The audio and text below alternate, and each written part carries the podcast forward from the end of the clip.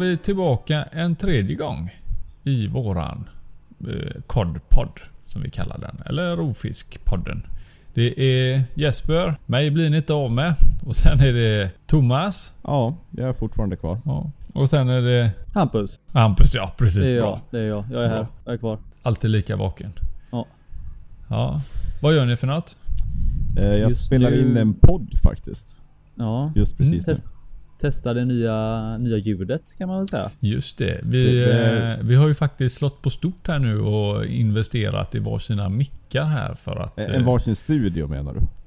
Ja, vi, ja, ja, ja, ja. Vi har Varsin ju studio egna studios här nu. Ja. Ja. Nej men vi, vi har väl alla egentligen reagerat lite grann på att det kanske inte låter sådär gör eh, gött. Men eh, det här kanske kommer göra skillnad. Ja förhoppningsvis. Det här känns Vi- ju riktigt. vi hoppas eh, på att det det är blir- legit. Göteborgs crisp nu. Precis. vi ska ha Göteborgs- Göteborgs krisp. Det ska vi ha. Krispet. Eh, ja, ska vi, ska vi titta lite. Nu, har, nu är vi ju ganska snabba här eh, på Nu har vi knappt fått Eh. några kommentarer. Kanske. Nej, vi har precis. Vi har knappt fått någonting. Men det kan ju vara så att folk är så förstummade över detta vidunder till podcast att de vet inte vad de ska säga. Så är det nog. Så kan det vara. Antagligen. Mm. Men eh, ja, hittills eh, The Douche. Han ska ju lyssna på det senare. Antagligen när han är nere i sin källare och står där och meckar. Eh, och det var rätt så gött när jag ser Lött här nu. Han eh, Han kommenterar ju på mitt eh, min eh, jag tycker inte vi behöver ta upp några märken men eh, jag matar ju uteslutande med Hickory. Ja, det var ju en kommentar jag reagerade på också. Mm, Men- jo, ja, det är Du är, ganska tydligt. du är ju Jesper så vi är vana. Typiskt Jesper. Ja. Typiskt Jesper. Ja, det är helt okej. För övrigt, en, Eh, en, jag snabb, ge- en live-kommentar. Uh, Stenman skrev till mig precis och säger att han Mm. ger tummen upp för podden. Så Ja, han bra. har nog suttit och lyssnat på Skoj. den alldeles nyss. Mm, Grymt. Perfekt. Perfekt. Jag har ju Eh. faktiskt inte ens hunnit lyssna på eh, den podden som vi gjorde Men senast. du var ju faktiskt med så... Du jag var faktiskt med så jag vet ju ungefär vad det innehåller. Så att, Mm. ja, jag ger också tummen upp. Ja, jag tycker också jag, jag har ju lyssnat på den flera gånger för jag har ju, jag har ju förmånen att glömma av vad jag gjorde dagen innan. Så att eh, jag tyckte det var extremt underhållande. Det var spännande hela avsnittet då eller? Det var mycket spännande hela vägen. Sen var det ju skönt också att Lutt återigen här försvarar mig här då i mitt prat om genmodifiering. Och att det är lätt att blanda ihop DNA-kromosomer och gener och det är inte riktigt samma sak. Eh, Jag vet inte riktigt. Han tänker väl antagligen på det här eh, eh, min utläggning om med, ja, med arter och sådana där saker. Du, du börjar få så mycket utläggningar om DNA och kromosomer så det... Jag säger så mycket strunt att Det- till det slut så kommer alla isär. hålla med mig bara jag är tyst. Ja. Så var det med det. Och Therese, tyvärr kunde inte hon inte vara med. Utan hon är tvungen att jobba idag va? Eller hur Men det? hon kommer nästa gång, lovar hon. Hon är med nästa Mm. gång. Mm. Härligt. Och sen är, det, sen är det ju faktiskt så Thomas, det kan vi faktiskt bjussa på en liten eh, sak. Eh, du har ju faktiskt lyckats få med, ja, minst en i alla fall. Eh, från Tropikarium som är intresserad av att vara med. Det stämmer. Eh, ingen datum eller ingen tid är bestämt än men det blir väl Ja. ganska snart skulle jag gissa. Vi Det återkommer är, med det är ju datum. fantastiskt eh, roligt. Ja. Och, precis. Och vem är det då? Eller? Eh, det är Anders Strömbert tror jag han heter och eh, Jocke Rasmussen. Mm. Om jag kommer ihåg rätt. Jag vill... Och det säger alltså de, de som de har alltså hand om eh, den akvatiska delen på Tropikarium då, alltså fiskarna ja, ex, exakt. Eh, jag vet väl egentligen inte exakt vad de är anställda som men när jag var där och lämnade min eh, Oxidora Sniger så var det Anders som tog hand om den. Mm. mm. De är involverade i, i fiskarna i alla fall. Om jag har förstått det rätt så är Anders väldigt duktig på typ vattenkemi och sådana grejer och Mm. Jocke är tydligen Mm. väldigt duktig på foder om jag inte minns fel. Ja, okej. Grymt. Vi skulle kunna göra så här att eh, de som har... Vi, vi kommer säkert lösa detta inom en vecka eller någonting kanske. Så under tiden är det så att ni har frågor eller ni undrar saker antingen om Tropikarium i stort. Vad de sysslar med. Vi kommer ju självklart ställa de här frågorna men det kan ju vara så att någon där ute sitter på en riktigt kvalificerad, eh, liksom specifik fråga. Då. Eh, Och det behöver inte vara fiskrelaterat. när man får sådana här gäster så är det helt okej att fråga om vad som helst om Tropicarium. Ja, Mm. ja precis. Eh, ja, det är ju väldigt kul. Det är ju skitkul. Sen har vi ju Mm. självklart andra gäster som vi väntar på att få med i, i den här podden. Mm. Eh, ja, vi kan väl börja som vi har börjat eh, de andra poddarna. Det verkar vara ett vinnande koncept. koncept. Vi, vi eh, tar lite nyheter. Nu har du ja, nu har ju inte ens gått en vecka. Men Thomas, hur ser det ut? Ja, det har ju inte gått så lång tid så det finns väl inte så mycket nytt. Men det nya senaste nytt eller flödet eller vad man ska kalla det är på gång i alla fall. Det är på gång. ja, Mm. Det, Ja, Dröjer vi, ett- vi väntar med spänning. det dröjer väl en stund till innan det är klart men det, det är på Mm. gång. Och det är så hemligt så inte ens vi vet om vad det är för någonting än. Det är ju... Nej. Eh, det- Jesper det är har ju varit li, lite inblandad i det men Hampus har ingen koll alls. Nej, jag, Nej. jag vill ju inte veta ändå liksom. Så. Eh, Therese har faktiskt fått smyga in lite och kika på designen så Ja, Therese vet Nej, men lite. jag, jag, kan, jag kan ju gå annars om det, om det är Tre-. Therese vet lite på designen, eh, Jesper Mm. vet lite om innehållet och Hampus vet ingenting. Jag tänkte Nej. precis säga komma till innehållet där. För vi har ju pratat lite grann Thomas. Eh, Jag tycker att det gör inte så mycket. Vi behöver inte hålla på med massa hemligheter. Men vi pratar ju lite grann om vi har ju ett Instagramkonto som eh, är väldigt aktivt tycker jag. Sen så har vi ju en hel del videos som våra användare lägger upp. Och det finns ju om inte annat uppmärksammade videos på Youtube.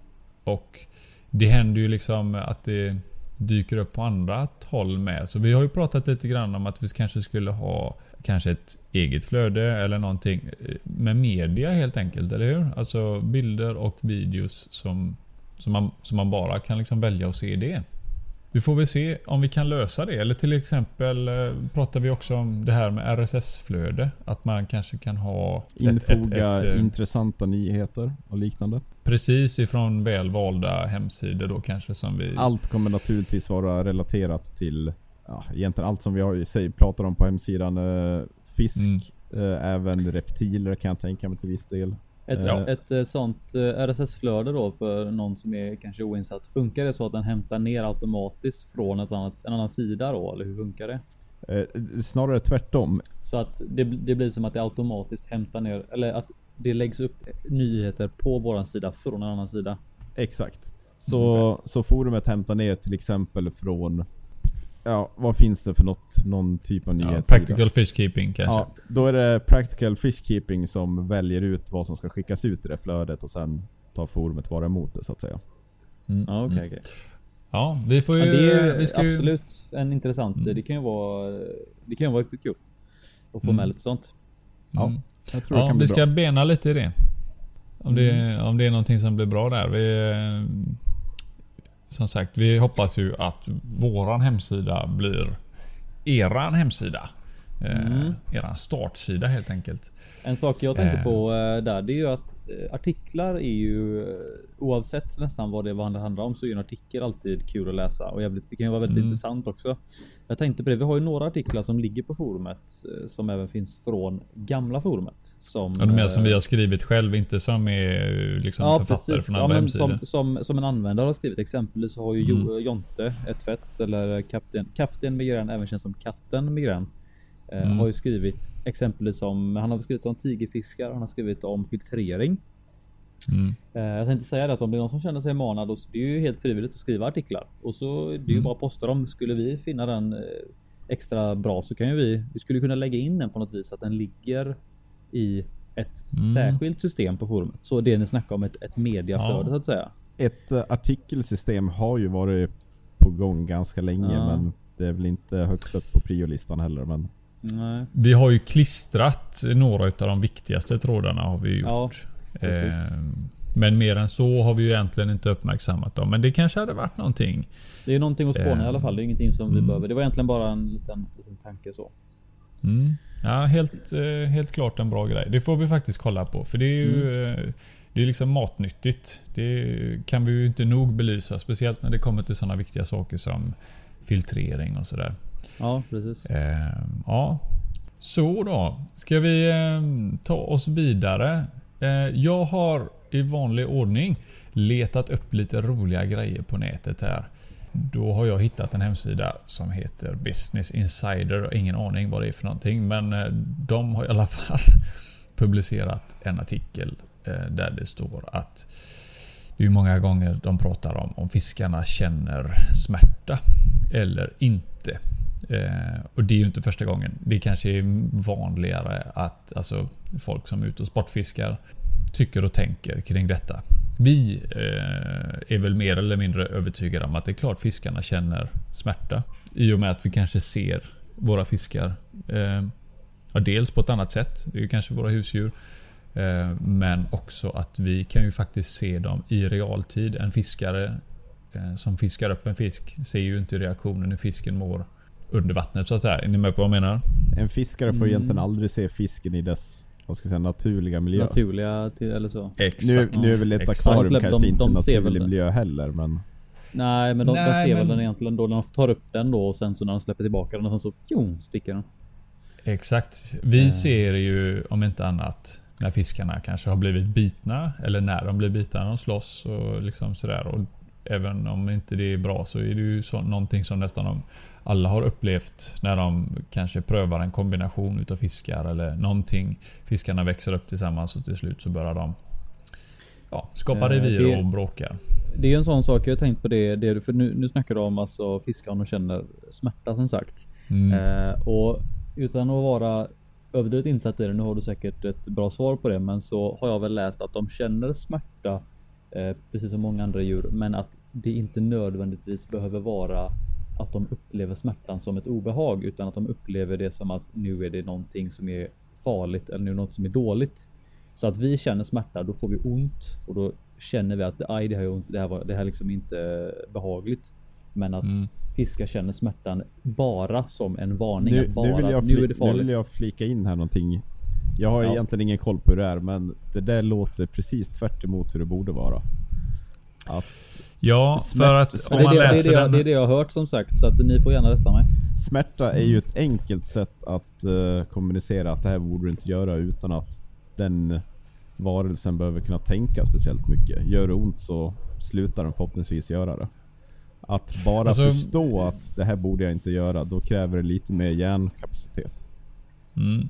Alltså nu pratar vi ju då alltså smärta i den formen att precis som Hampus var inne på där att någonting eh, händer eh, som liksom riskerar hälsan eller eh, livet för ett djur då och att det är liksom hjärnans eh, signal om att den, eh, man borde reagera liksom. Alltså det har ju allting som har med liksom, eh, vad ska man säga, obehag att göra. Det är alltså en, en högre form utav obehag så att man liksom borde ja, reagera då. Va? Och då kan man ju liksom börja fråga sig om det är vilken, alltså vilken typ av smärta är det man pratar om? Det kan ju vara svårt. Alltså vi pratar ju om eh, smärta på olika sätt.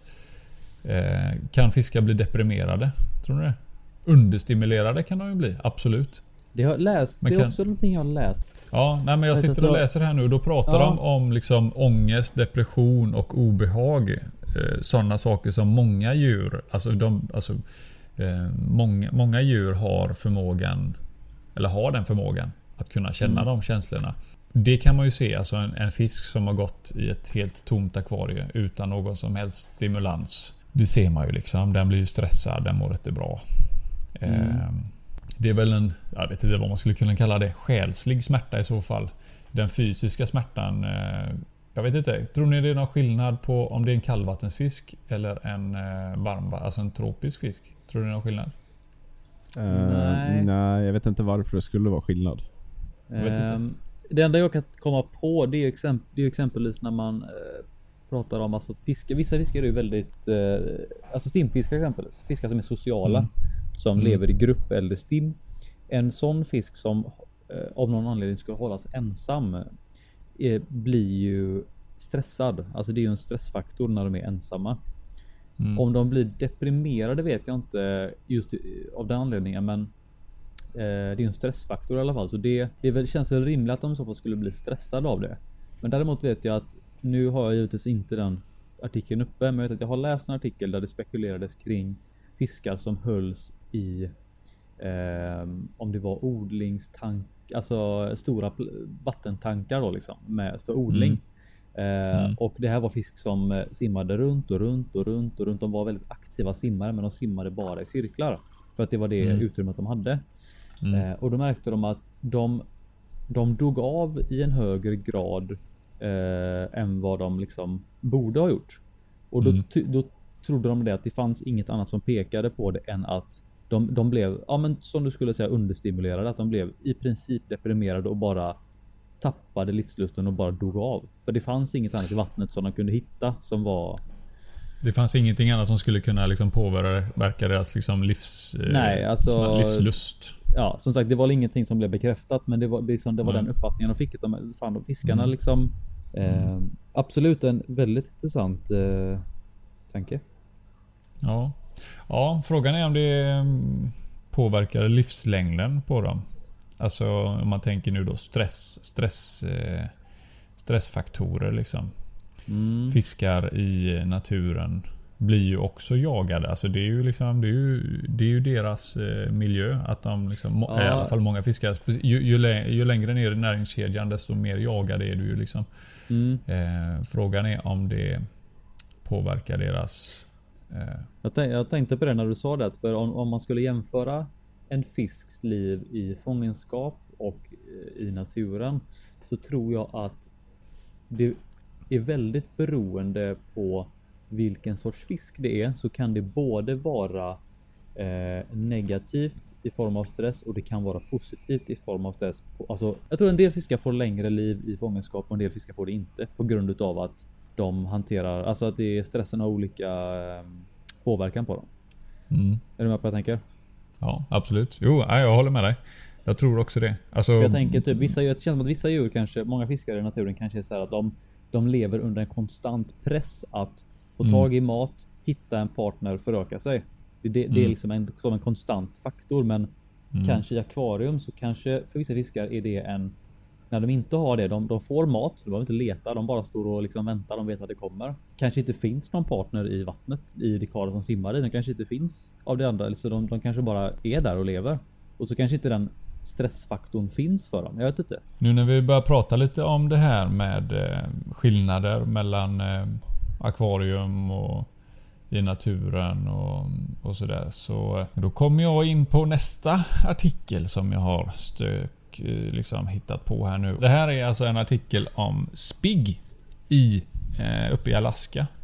Där har de börjat faktiskt se skillnader i breeding patterns. Alltså deras fortplantningsmönster har de börjat se skillnader nu. Allt eftersom klimatet förändras. Eh, Mhm. Och det de har sett då är att de förökar sig mycket, mycket tidigare på året. Och oftare under året. Så att eh, ja, dels är ju på grund utav att det liksom blir längre isfria somrar och, och eh, isen släpper mycket tidigare vilket gör att de kan fortplanta sig mycket tidigare. Och det gör ju då, det sätter ju liksom, i och med att det här, ja spigg då, de är ju antagligen ganska långt ner. De utgör liksom antagligen basföda för många andra djur. Vilket gör att det finns, ja de kommer ju, kommer ju liksom till skott mycket tidigare. Och jag kan tänka mig lite grann att det finns antagligen en kedja utav eh, saker som ska hända på ett år. Och byter man plats på två stycken, ja det blir la konsekvenser kan man ju tänka sig. Uh, om ett djur dyker upp mycket tidigare. Eller eh, sådär så, ja den enes död är den andres bröd va. Och eh, är det någon som försvinner eller någon dyker upp tidigare, ja vad, vad händer då? Jag vet inte hur mycket mer sådana här saker som eh, man kommer kunna se. Hur många, alltså spår, spår utav klimatförändringarna. Det här är ju ett typiskt exempel då när man har islossning då eller att isen försvinner Mm. tidigare. Vi har väl liknande klimat så det är väl någonting som vi skulle kunna se Ja. eh, till slut kanske. Jag vet inte riktigt. Eh, det är intressant tycker jag. ja, det är det verkligen. Det är ju väldigt tråkigt först och främst. Det är, oftast är det ju väldigt tråkiga nyheter man får höra när Mm. det handlar om sånt här, men det En sak är ju intressant är att de tar ju tillfället i akt. Alltså det här gynnar ju spiggen då. Att de anpassar sig. Mm. Att de tar tillfället i akt liksom. Jo, jo, det är Eh, klart att, att de anpassar, anpassar sig snarare än att de inte gör det. Mm. Det är ju bra för dem. Det är ju bra att de gör det istället för att de inte gör det. Det är Ja, bra. det vore ju synd om de inte gjorde det. ja. Jag tyckte det var mest roligt i alla fall. Eller man kunde liksom ändå... Det, de har sparat data från 1963 till 2015. Det är ju ganska många år då. Då har de liksom eh, både lax och öring och allting som lever där uppe då i sötvatten. Och, eh, då har de kunnat se detta då att det är spiggen som faktiskt leder här nu i, liksom, i förändringar då. Det är inte alls så stora förändringar i andra arter. Hmm. Vet inte riktigt vad det kommer innebära men som sagt det, det kan, ju, kan ju ge ringar på vattnet. Alltså det kan ju, det kan ju det långa loppet kan det ju gynna flera arter. Alltså om den kommer till skott tidigare på året så kanske den hinner växa sig större. Och Mm. göra, bli liksom mer föda då till andra arter. Som gör att andra Ja. arter klarar sig ännu bättre. Precis. Ja. Men det kan ju också vara så att de eh, kommer alldeles för tidigt och käkar upp andra yngel utav andra fiskar som kanske inte har hunnit växa sig så stora än. Mm. All förändring på det, på det viset ju, kan, kan ju vara både bra och dåligt för, för många Mm. olika. Så det är ju det är Mm. lurigt det där. Ja, det är det det handlar om. Evolution. Ja, Eh, på tal om evolution kan vi smyga in på ett annat ämne som jag tycker är sjukt kul. Och det är ju, jag skrev en tråd om det faktiskt idag om eh, en art av rocka eller en, Mm. eh, en, en SP-art, alltså en, eh, den är inte, det är ingen fastställd art här utan. Och det är Potamotrygon SP mantilla eller mantilla och det är ju en art som i alla fall då känner, känner ju till då Ja, eller nu är det väl i två då. Det är ju Olle Vrandell, han har ett par. Och så har han ju kvar några valpar från dem. Och Mm. han har väl sålt av två utav valparna också då som han fick. Och det är ju väldigt Ja, det är intressant. de vi att, känner till. Ja, som sagt i Sverige som jag känner till i alla fall. Som jag har hört Ja. talas om. Ja. Och det som jag tyckte Mm. var väldigt intressant där var att han fick ju, nu minns jag inte exakt antalet, men det var väl en 4-5 valpar tror jag han fick ut. Och Mm. utav de här valparna från det här paret då som är som sägs båda ska vara SP Mantilla så kom det ut alltså eh, majoriteten utav dem såg ut som föräldrarna. De hade lite spräckliga mönster och så stora fläckar då. Men sen så kom Mm. det ut en som såg ut som en helt vanlig Motoro. Den hade exakt samma det här, den här ljusa färgen och så små prickar och inget spräck eller mellan.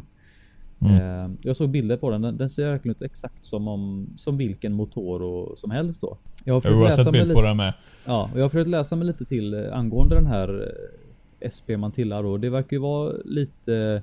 Det är väldigt oklart först och främst vad, vad det är, men som jag förstått det som så är Mantilla. Det är ju ett namn som kommer från en exportör, eh, så Mm. det är inte ett ställe som heter Mantilla eller så, utan det, det är i Brasilien. Någonstans i Brasilien är det.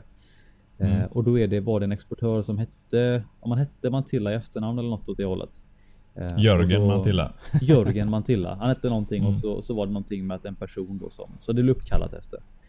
Ja. Eh, Men man vet inte om det rör sig om en art, flera arter eller om det faktiskt är så att det är ett gäng naturliga hybrider. Att Potamotygon SP Mantilla kan se ut på jättemånga olika sätt. Bara det att Mm. de flesta ser ut som någonting åt Motoro, Marble, Motoro hållet med stora fläckar och lite spräckor runt. Det, det är, Är vad jag det, har förstått det lite, som. är det lite samma som Potamytygon SP Magdalen, Magdalena? För det är ju en del i en flod liksom. Det är nog möjligt att det är något åt det hållet. Eh, är jag vågar inte inte svara. den en Motoro? Eller? Har jag Nja. för Ja. mig? Eh, Den är nog mer av en rättik i så fall. Ja, något, något åt rättik eh, skulle jag säga att det är. eh, Ska säga Magdalena A heter den? Eller så du? Mag- Ja, och den, vad, vad jag vet i alla fall så säger de att ja, men det är en rättik. Men å andra sidan, eh, alltså namnet antyder ju på att det är en del i en flod. Så det skulle kunna vara precis vilken art som helst. Precis, det är väl samma. Att det är ju inte ingen fastställd art än och eh, Nej. sånt här tycker jag är sjukt kul i alla fall. Det är liksom, man vet Mm. inte riktigt det är om det kanske är en art eller flera arter eller det faktiskt är så att det Mm. kan vara. Det kan ju vara så. Tänk om det är så att det är en del av en flod och så är det finns det. Säg att det finns tre olika arter där. Men Mm. under, under en lång tid så har de liksom börjat be- beblanda sig. Så det kan ju Mm. vara så att i en viss del av en flod så finns det att alla rockarna där är bara, bara en mix. Så Mm. att ibland kommer det ut någon som ser ut lite som en Motoro för att långt, långt tillbaka i historiken så, så var det riktiga Motoros. Mm. Och så någon annan och så någon annan och så är det bara liksom en mix av och det är ju fantastiskt intressant tycker jag i alla fall att, det, att man man vet ju inte riktigt än vad det är för någonting. Eh, och sö söker man då på exempelvis, går in på Google och söker Potamotrygon SP Mantilla så får du upp så otroligt många olika rockar. Att, Variationer. ja, Mm. man vet ju inte vad, alltså det går ju liksom inte att säga att det där är en Matilla, så ser den ut. Nej. För att Mm. det ser ut som hundra olika arter. Mm. Och eh, ja, jag vet inte. Det är som sagt, Men jag la upp en tråd på det och eftersom- frågade. Eftersom eh, den inte är eh, vetenskapligt beskriven än. Vem är Mm. det som, när någon plockar upp en rocka, vem är det som bestämmer att det är en mantilla? Ja, då hittar jag här. Då står lite snabbt så här då att the name Mantilla eh, originate, originates from Richard Ross who named the species for distributor eh, from Fro- Florida named José Mantilla. Det är ju alltså att han, Richard Ross, han, han, är, han gav den ett namn bara. Det här är en sån och så kallar han den SP Mantilla efter José Mantilla. Så att Ja, det är Jörgens bror. precis. Jörgen Mantilla, Mm. precis. Ja. Eh, så att namnet är ju liksom bara plockat från någon som hittade den och bara behövs ett namn. Ta Jörgen, Jörgen Mantilla. Eh, nej, men José Mantilla. Mm. Men som sagt, exakt vad det är för art och hur den ser ut, det är ju en gåta än så länge. Jo, det är väl lite samma sak med den här Magdalenae. Eh, som sagt, den är beskriven på Fishbase. Eh, men det är en SP-art Ja. om inte jag minns fel. Ja, Mm. men det, det är väl så när de, det liksom, det känns som att det skulle kunna ha att göra med att om det kommer en våg nästan så här. Det plockas mycket från ett ställe så får de upp massa rockar som kanske liknar varandra. Men så vet de inte vad det är. Kallar de någonting och sen av någon anledning så, så dyker det inte upp fler utav den Nej. sorten. Så då har då liksom då kommer det ju ingen ny fakta om det. Det kan ju vara något åt det hållet. Eh, Men som sagt, jag, jag la ju upp en tråd där angående Potamoticon SP Mantilla. Så om det är någon som har någonting att tillägga där, någon god eh, hemlig länk som någon har hittat till något, någonting intressant som, som kan bekräfta någonting alls. Så vore det skitkul att, att läsa. Jag tycker det är häftigt alltså att det, finns så, att det är så stor variation mellan dem. Mm. Vissa kan ju vara väldigt, väldigt lika varandra och leva långt ifrån varandra. Och sen kan det vara de som sticker ut eh, fullständigt. Och vi har ju flera arter med. Alltså vi har ju Paratrygon, Ja, Placytrygon, precis. Potamytrygon. Finns det någon på forumet som har någon annan, något annat släkte än Ja, jag tror att Tror inte det. Placytrygon var på ingående. Det var någon som hade känning i alla fall på den här Placytrygon Ivamae. Mm, jag tänkte säga det. Eh. att- Jag vet inte om det har att göra med att man har, man har börjat söka mycket mer på det efter, alltså på, på internet eller om det att det faktiskt har ökat. Men det känns rent spontant som att ehm, de här andra arterna för paratrygon och placetrygon har faktiskt på något sätt, ja men det har ökat lite, blivit vanligare i handeln rent generellt. Ehm, för jag har på senare tiden sett nya klipp på folk som faktiskt Mm. har de här arterna hemma och det, Mm. det är ju någonting som jag i alla fall inte har sett tidigare. Den kallas ju också för eh, Long-tailed River Stingray och det ser man ju Mm. väldigt tydligt. Är den släkt med Antenna Ray? Jag vet inte riktigt det latinska på den.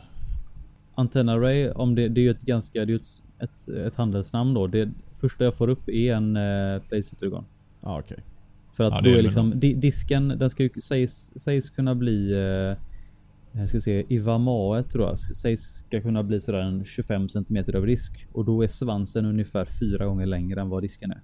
En meter ja, alltså. En stor fisk. Typ. Det ser ut som det i alla fall på bilderna. Så att eh, fantastiskt lång svans. Och de, eh, ja, det är en riktigt, riktigt fräck rocka. Nu hittar jag lite information angående Potamytrygon magdalenae och det är ju, verkar vara en beskriven art. Så det är ingen SP längre utan den finns i Magdalena River eller Magdalenafloden som den sitter även ihop med Atrato River i Colombia.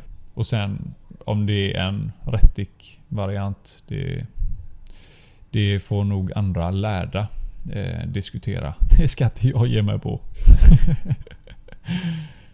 Ja, Men eh, det verkar ju i alla fall vara, det, det har ju med floden att göra. Så långt eh, vet jag att jag är rätt ut i alla fall. Mm, mm.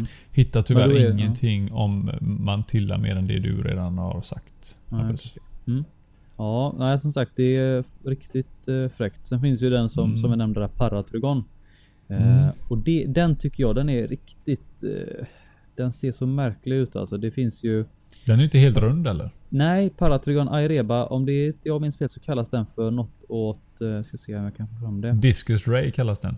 Ja, men jag har även sett att den kallas för typ eh, något så här apple ray, alltså att formen Mm. ser ut som ett äpple för att den har Ja, liksom. precis. skulle, skulle du hålla den platt framför dig så att du har eh, nosen uppåt och svansen ner så har den ett, lite formen av, av ett äpple. Den är inte rund Mm. och spetsig där fram som en eh, Den potamotor. går in lite vid munnen och vid svansen ja.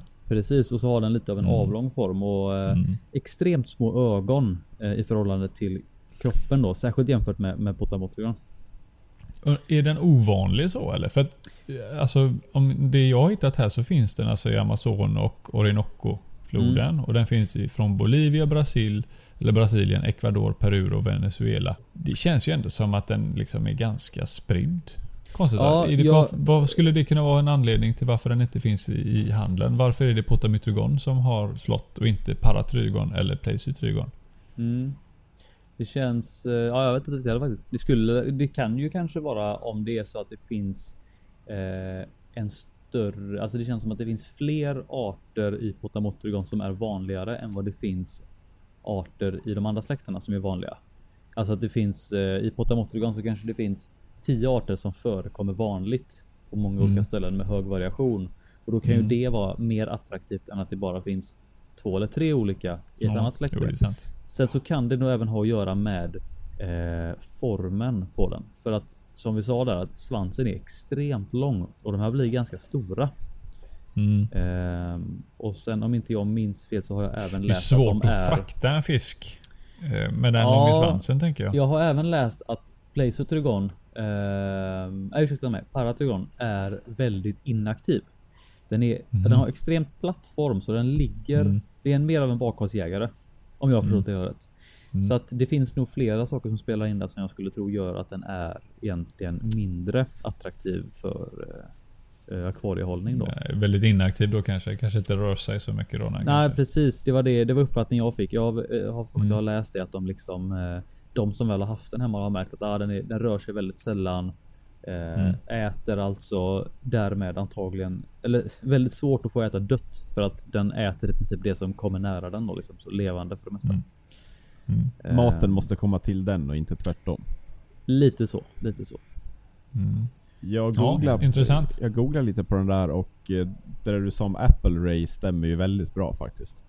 Ja, absolut, det är, men det är det som är kul tycker jag med hobbyn. Att eh, fin, det finns mycket fisk som man inte riktigt känner till, som man inte upptäcker alls förrän långt senare. Man, man tror att man har bra koll på någonting och så bara dyker det upp tre släkten som man inte ens hade någon aning om existerade. Nej, precis. Samlingen Ja, blir aldrig komplett. Nej, Precis. Gotta catch them all. Precis. Mm. Ehm, sen kan jag tala om faktiskt att jag har hittat. Det har faktiskt släppts en bok. Släpptes förra året i jun, juni. Som heter What a Fish Knows. Och det handlar om, det var lite om, vi pratade om det förut. Det här, vad, hur fiskarna, hur fiskarna mår. Och vad, hur smart är en fisk egentligen? Eh, det här är alltså eh, vetenskapliga iakttagelser som de har gjort över lång tid här nu. Det är en kille som heter Aaron Fisk faktiskt. Det var passande. Passande Eh, han- Ja. Mm, han är ekologisk. Eh, eh, Han är ekologisk. eh, eh, det som det handlar om i alla fall, den här boken som han har släppt. Han, han har alltså pratat, han har eh, forskat väldigt länge om alltså hur, de upplever, alltså hur de upplever känslor. Ja, om de är glada eller ledsna och att de faktiskt kan känna igen ansikten. Vet att det är käk på gång. Men det, det vet jag att jag, det har jag sett, eh, eller det märker man själv vet jag, att man kommer in i, i rummet där man har eh, sina fiskar och då reagerar de verkligen. De reagerar när man kommer in, Mm. de, de kommer ju fram på, på ett sätt. Eh, skulle någon annan komma in i mitt rum, om du skulle komma in, eller för du matar mina fiskar så ofta så att du, hade du kommit in så hade det nog varit samma reaktion antagligen. Ja. Eh, Men låt säga att Thomas hade kommit in i mitt rum. Eh, Bara Thomas. Han är ju inte här så ofta. Eh. Då hade de reagerat på ett annat sätt och eh, jag vet att det är flera som har testat detta. Att de, de, de ser det att det kommer in en annan person och då eh, det är inte alls samma reaktion. Visst, de, de blir väl kanske inte rädda och, och sticker och gömmer sig, men det är en, eh, det är en märkbar skillnad när fiskarna har vant sig vid en person. Då känner de igen den personen. Och det är, jag, det jag kan är inte ju- säga att jag har märkt något liknande men ja, att, det att jag det. inte har märkt så mycket det kan ju bero på att jag har ju Pigbert som är översocial. Ja. Så han kommer ju fram Ja. oavsett vem som kommer dit och det är ju han Ja. man tänker på. Precis. Då, Mm. då är det klart att då märker man ju inte av fiskarna på samma sätt. Ja, Han är lite av en upp, uppmärksamhetstjuv den där. Mm. Han är en attention whore. Jag måste, nu måste jag på dass för nu har jag suttit och druckit upp en hel kanna kaffe här. Oj oj oj. Dricker kaffe klockan kvart i ett. Testar, testar. Ett, två, ett, två. Ett, två. Eh, vad heter han? Howard Stern. Det är ju våran, eh, vad ska jag säga, inte idol. Våra, eh, den, den typen av röst vi ska efterlikna. Om du lyssnar på hans radiosändning. Howard Stern. Finns på Youtube. Ja, det är han. Ja, han vet vem det är. Vad, eh, vad säger vi? Vi lyssnar på Howard Stern. Det är så vi ska låta, som han låter. Måste säga att eh, Thomas, du låter som honom, så du är där. Eh, Mm. inte, jag föreställer mig att det låter som honom, men när jag lyssnar på inspelningen då har någonting hänt på vägen i så fall. Ja men det låter Jag, an- alltid jag, annorlunda. jag såg faktiskt han, vad är han heter, Visas på Youtube. Vet du, vet du vem det är va? Ja, ja. Han förklarade ju varför det är så att när vi, när vi pratar så hör vi vår ja röst. men det är ju sen för när att vi hör ju inte bara genom öronen då, vi hör ju genom skallbenet. Precis, vi hör på tre sätt. Vi hör direkt ur munnen. Sen hör vi när det studsar på ett objekt och tillbaka och så, så hör vi vibrationer i skallbenet. Ja. Det är så jävla sjukt att det är det som är så här.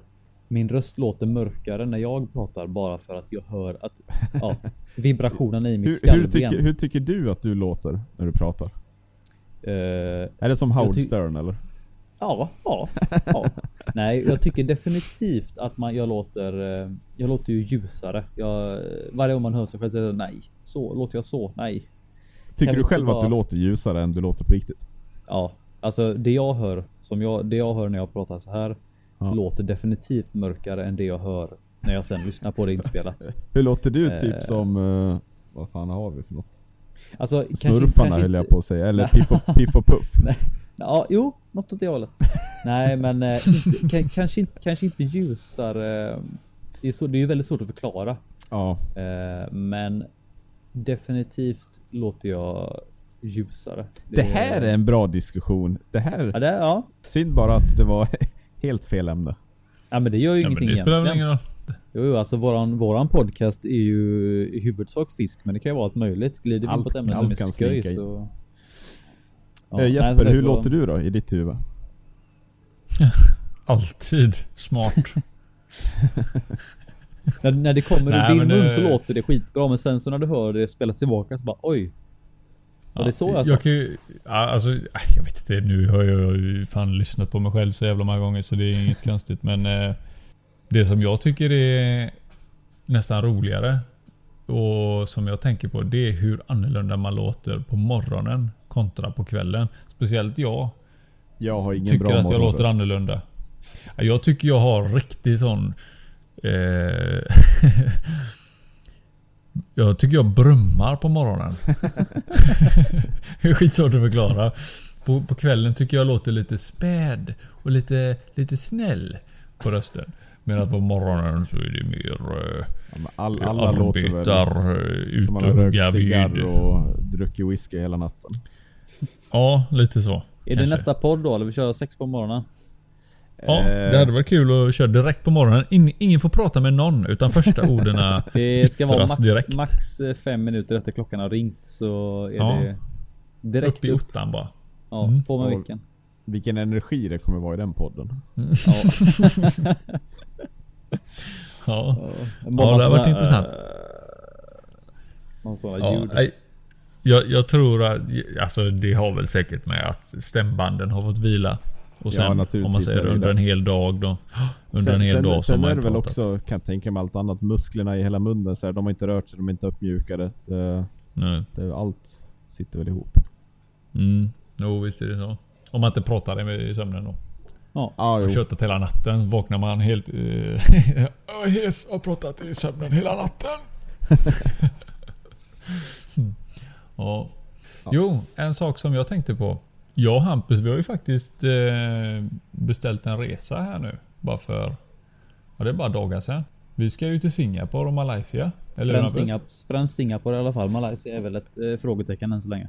Ja, men Vi ska det försöka. lutar ju åt i alla fall. Ja. Vi ska försöka. Mm. Vi ska ju Ja. åka till Singapore och vi ska åka och fiska på alla möjliga sätt. Eller så Mm. många sätt vi bara kan. Jag har eh, kontakt med en eh, person som bor i Singapore som jag har lärt känna lite via, ja, via fotografi och via ormhuvudsfiskar kan man väl säga främst. Mm. Mm. Eh, väldigt aktiv. Eh, för det som vill kolla upp honom så heter han eh, Shi Kai och på Flickr har han ett konto som heter Aristohelium. Precis som start, precis som det låter. Eh, där han postar en massa otroligt eh, grymma bilder på eh, framförallt ormhuvudsfiskar men även en hel del på lite annat skoj och på eh, natur. Alltså han fotar ganska mycket i naturen i Singapore och i Malaysia och runt omkring. Mm. Så jag sa det för jag, jag hittade, det var lite skoj. Jag hittade den kommentaren. Jag satt och scrollade igenom hans flickor. Så hittade jag en kommentar som jag hade skrivit för tre år sedan. Eh, ganska exakt tre år sedan skrev jag något åt hållet att ah, vilken häftig bild typ, vilket häftigt ställe. Eh, jag måste nästan åka ner till Asien och fiska någon gång och då skrev han bara så ja ah, men fan säg till när du åker ner till Asien så löser vi någonting och så nu bara nu är det så. Nu blir det så. Mm. Nu åker Så det är ju skoj. Det är fantastiskt kul att eh, få åka ner. Det blir egentligen bara två veckor då, men eh, det kommer bli. eh, Ja, jag tror det kommer bli grymt. Intensivt. Han ska ju ta med oss på lite två olika- veckor. Mm. Ja, han, kommer, han, han har ju lite goda fiskeställen då runt om i, i, i Singapore där och förhoppningsvis så, så har han någon bekant även då i Malaysia som vi ska Mm. kunna ta oss till. Finns ju lite mer regnskog eh, och det är ju inte riktigt lika förstört i Malaysia som det är i Singapore. Ja, Eh. eller det har väl snarare med att göra att Malaysia är ett mycket större land. Alltså det finns ju. Det är med. Singapore är ju Mer vattendrag. litet och det är ju ett. Det är ju en Mm. eh, väldigt intressant. eh, Alltså de har ju som en stor stad med höga skyskrapor blandat med en hel del reservat och regnskog eller så här. Alltså mycket Mm, tät skog mm. liksom. Men eh, med tanke på att Malaysia är ett mycket större land och delvis ett eh, lite fattigare land egentligen tror jag. Så har ju de väldigt mycket större områden som är mer eller mindre orörda. Förhoppningsvis om vi har möjlighet så ska vi försöka ta oss dit några dagar och det kan ju Mm. bli riktigt skoj att få gå omkring där. Vi har ju börjat eh, redan. Vi har ju varit och köpt stövlar du och jag. Stövlar och pannlampa införskaffat. Mm. Precis. Vi ska ju... Jag kommer ju flugfiska och så har vi ju med oss eh, både lätt och tung utrustning. Och vi ska ju näta. Ska vi göra också. Alltså vi ska gå med nät och se vad vi kan hitta för roligt. Nät och hov På nät. princip. Nät och hov, ja precis.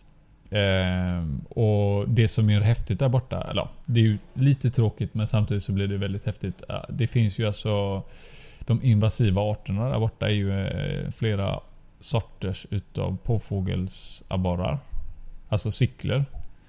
Eh, och sen så finns det ju även eh, ett bestående eh, bestånd utav Potamytegon motoro. Så det går ju också att fånga. Mm.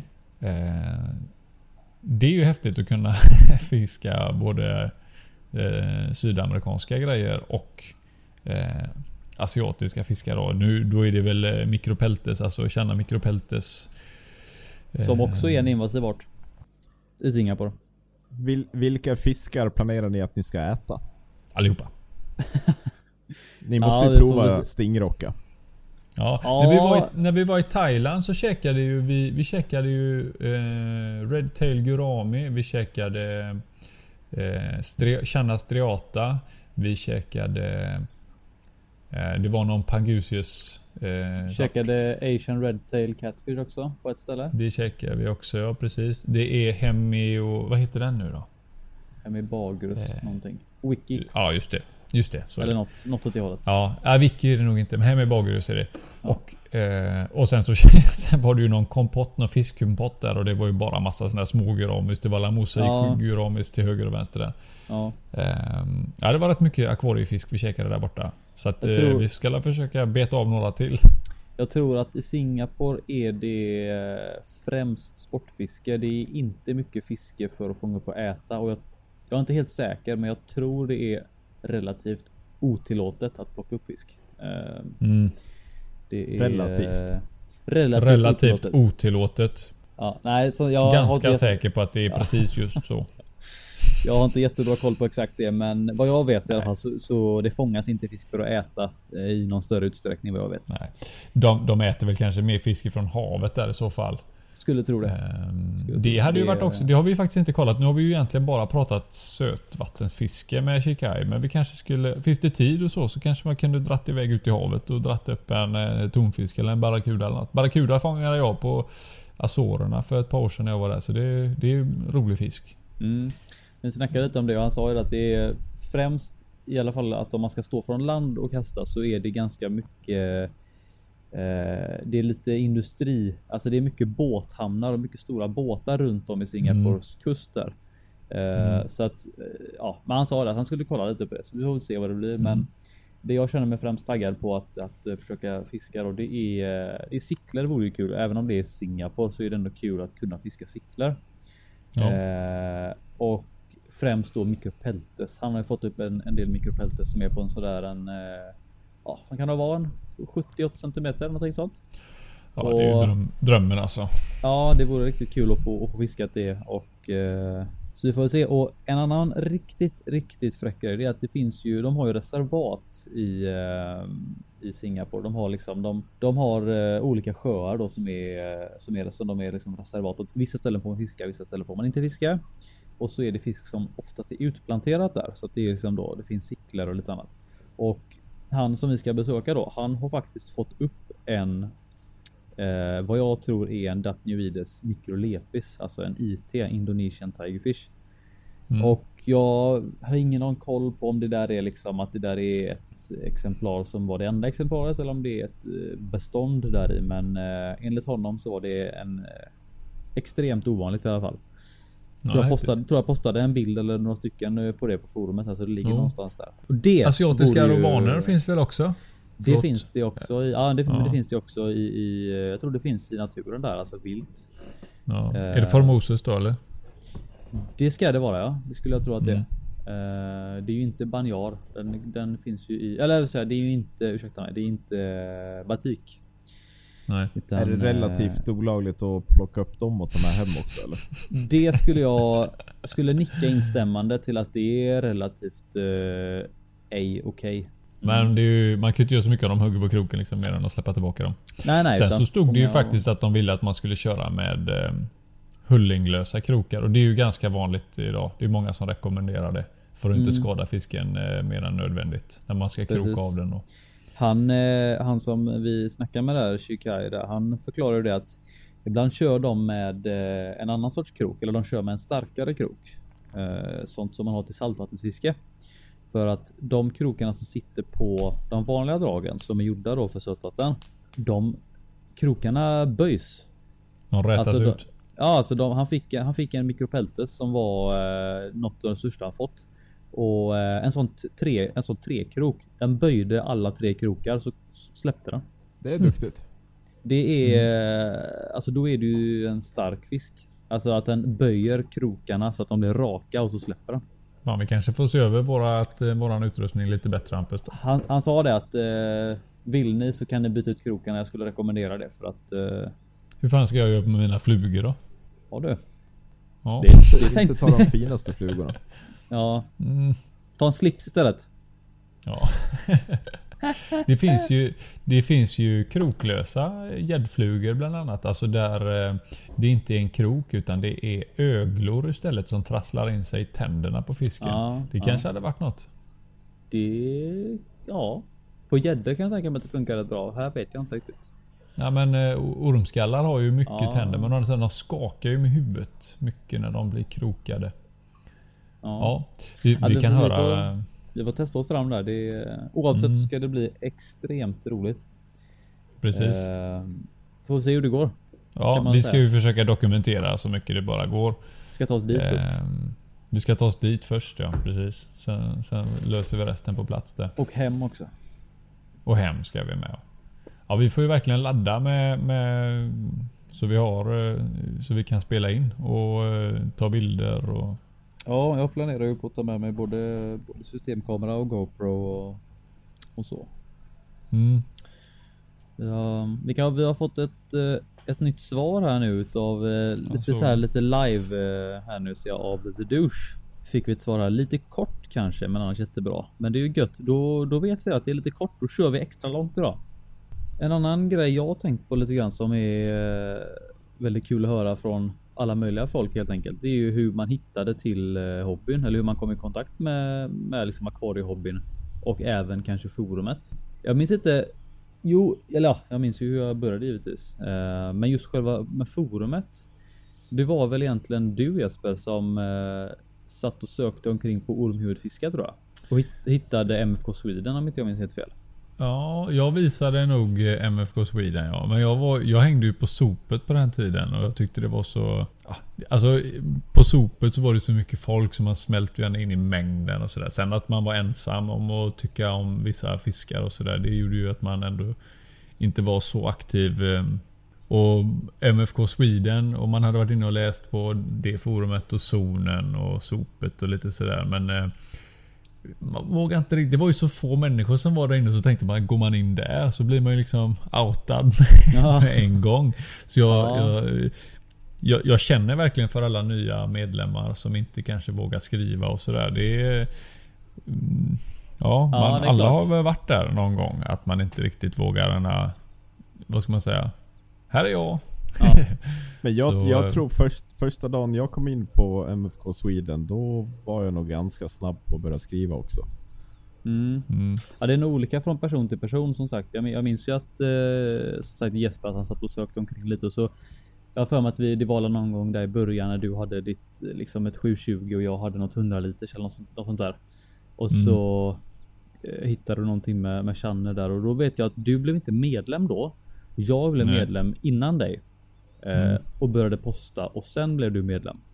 Mm. Eh, och ja, jag vet inte, det var. ehm, jag var väl lite också så här i början skrev jag inte jättemycket för jag vet att jag blev medlem på sopet först och hängde där lite grann, men där skrev jag i princip ingenting alls. Eh, Nej, där hängde jag rätt mycket. Där eh, Ja. skrev jag en hel del och höll på med mycket grejer. Jag skrev först på sopet innan jag skrev på MFK i alla fall. Där jag var Mm. medlem Ja, det är på sopet för mig. Ett, ett antal år innan. Mm. Mm. Ja, Sen kommer jag ihåg min vet, första post. Kommer du ihåg din första post Hampus? På MFK Sweden? Ja. Eh, ja, jag tror att med tog en printscreen på det för ett tag sedan för det var Det var ju något sånt där typ. Jag hade precis köpt min eh, Chitala Ornata Gold, den knivfisken. Guldkniven ja. Ja, och då var det ett sånt här inlägg typ så här. Jag har precis köpt den här. Jag vet inte hur stor den blir. Jag har ingen aning. Och eh, det är ju precis det som är sånt som som vi idag oftast man säger liksom försöker be folk kolla på. Det är klart man har ju gjort. Ja. Man har ju själv gjort alla de här misstagen i början, men man har ju som, Jag som tror- tur är har man Jag kan, dem. jag kan tycka att det är, en, det är en så god anledning som någon egentligen. Alltså man bara, man behöver ju bara ha en anledning till att skriva liksom och, och Mm. ja, Det är väl okej kan jag tycka. Ja, ja, alltså det. Jag fick ju de så. Jag menar, jag kommer ihåg. Jag hade ju även köpt. Jag hade ju köpt. eh, Vad var det? Två stycken eh, Tiger Shovel Nose vet jag. Och då var så här. Jag har skrivit detta på Två så jag stycken? Två stycken. Precis. Och de var, de var 8 centimeter och jag menar. Jag minns att jag tänkte så här. Ja, men MFK Sweden. De håller på med sådana här fiskar. Jag vet att om när den här de är väldigt stora så kan någon säkert där köpa den. Och jag, jag, jag, har skrivit detta på forumet med för jag minns exakt att jag tänkte det och sen så när jag kom hem postade inlägg så var det någon som skrev så här att ja, bara så du vet, de blir stora och tänk på att eh, liksom du kommer bara ett större kar och då är det så här. Det var först då man faktiskt sa shit, det, det är ju sant. Det har jag inte tänkt på att folk kanske faktiskt inte ens vill ha de här. Så efter det var det, då blev man lite mer försiktig och, och blev liksom lite mer okej, kanske ska tänka efter lite innan. Mm. Kommer du Så ihåg att, ditt eh, första Thomas? Vad du skrev på MFK? Jag vet inte exakt vilket det första var, men jag kommer ihåg i början i alla fall så allt började med att jag var på akvarielagret för första gången och såg fiskar som jag aldrig hade sett förut. Det Mm. öppnades en helt ny värld. Eh, och då googlade jag nog och kom in på sopet och där fanns det någon användare, jag kommer inte riktigt ihåg vem, som hade en länk i sin signatur till MFK Sweden. Så så hamnade jag där. Okej. Jaha. Och bland de första trådarna jag skrev, då handlade det nog om... Jag vet jag skrev något om gars. Om eh, både alligator gar och cuban gars. Och Mm. sen var det nog också om typ vilken som var den största fisken man kunde ha som kunde gå till 720 typ väldigt länge. Ja. Ja. Det är som sagt, alla har gjort lite misstag i början. Det är ju, man Men lär det ska man ju. Man ska Men ju det. att fråga efter den största fisken som faktiskt kan gå ett 720, då frågar jag ju inte efter för stora fiskar. Vad hade du för fisk i 720 innan då? Eh, när jag skaffade det, då hade jag... Ja, då hade jag egentligen, i början hade jag typ ingenting. Då gick jag från mitt 160 liters. Och alla fiskar där fick flytta över, vilket var en klassisk fisksoppa av standardfiskar. Mm. Eh, men den första... Ja, jag hade redan då uh, hyetagäddor. Ja, Så de fick ju flytta över. Så det var väl inte de första rovfiskarna. Men sen eh, efter att jag skaffade 720 och de första fiskarna jag köpte då var väl min Motoro tror jag. Ja, okej. Jaha. Eh, Du gick rätt på den. Ja, eh, jag, vad jag kan komma ihåg just nu i alla fall. Eller för sig, jag, jag köpte ju en uh, reticulates innan som dog. Eh, Mm. Kan väl tyvärr bara ta på mig det själv. Okunskap. Det är ju så. Det är ju så tyvärr. Att man, Hade du- inte- hade man får lära sig i sina misstag. Eh, jag skaffade Gars också. Uh, Kommer inte riktigt ihåg vart jag fick dem ifrån. Men sen efter mycket om och men så skaffade jag också en Alligator. Ja, okej. Eh, ett halvår senare så hade jag bara Agaren kvar och Motororockan. Det minns jag. Du hade en avdelare också ett Mm. tag där av någon anledning. Eh, det var när jag skaffade min Tropical Gar och Cuban Gar. Så, så då då gick de alla i varsitt fack. Ja, okej. Så jag, jag har en bild med ett komplett set av attraktostus Ah, i ett och samma kar. Ingen jättebra bild tyvärr men men ändå. Det är Ja. lite coolt.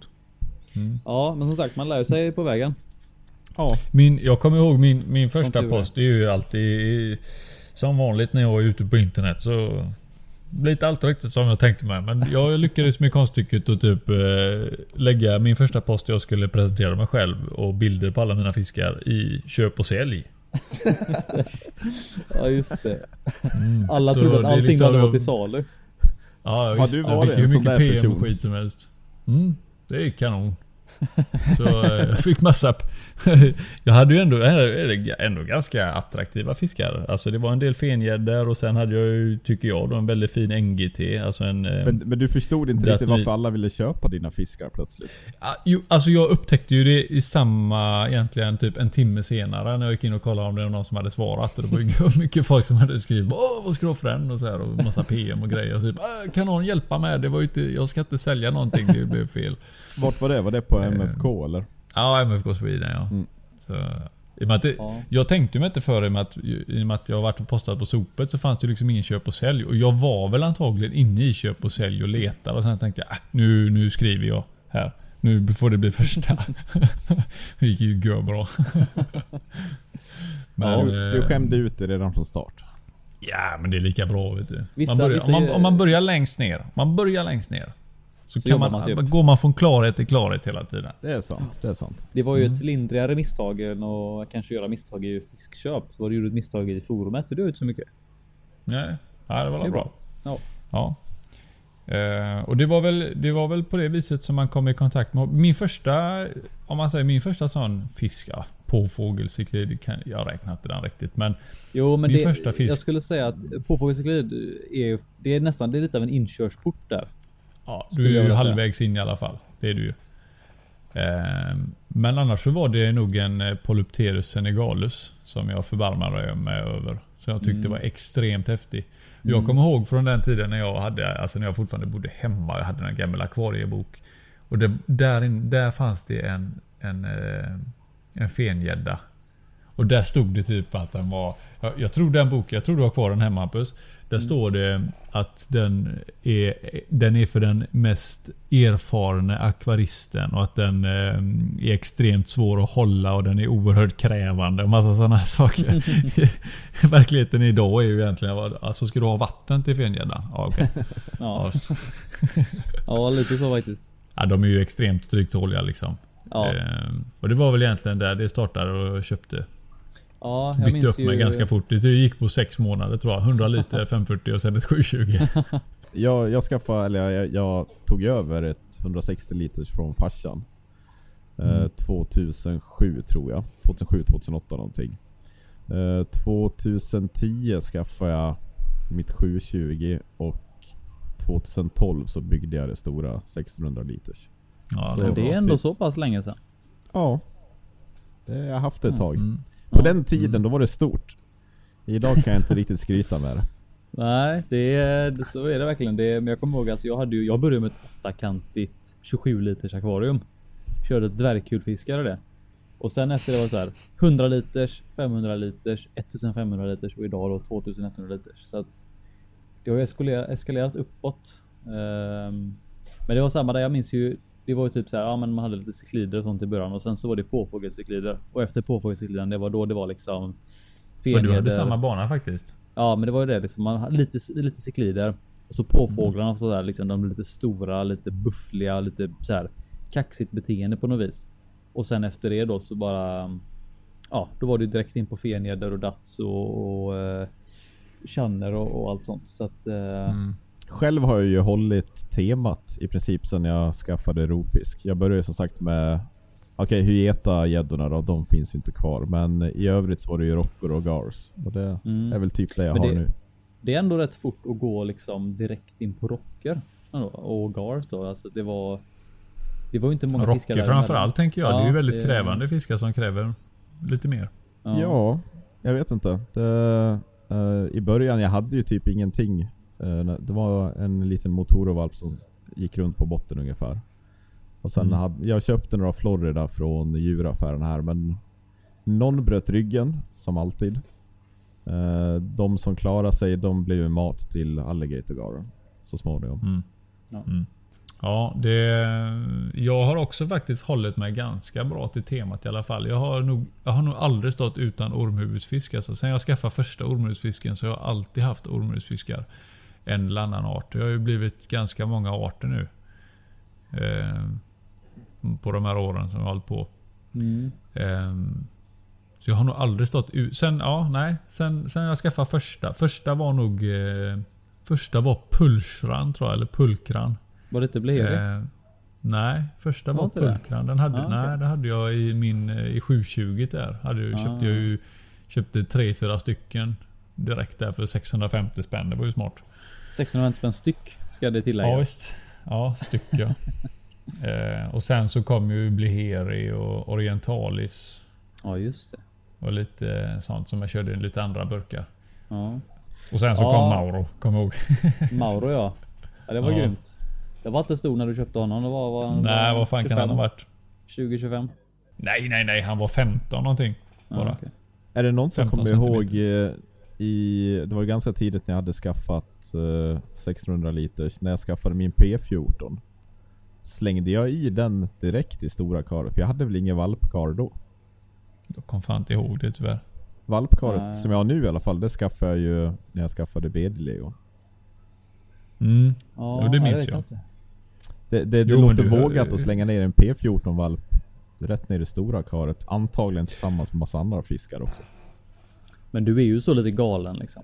Eh, Obviously. Det, Vi känner, vi känner ju dig. Du är ju lite galen. Mm. men det gick ju bra så. Ja.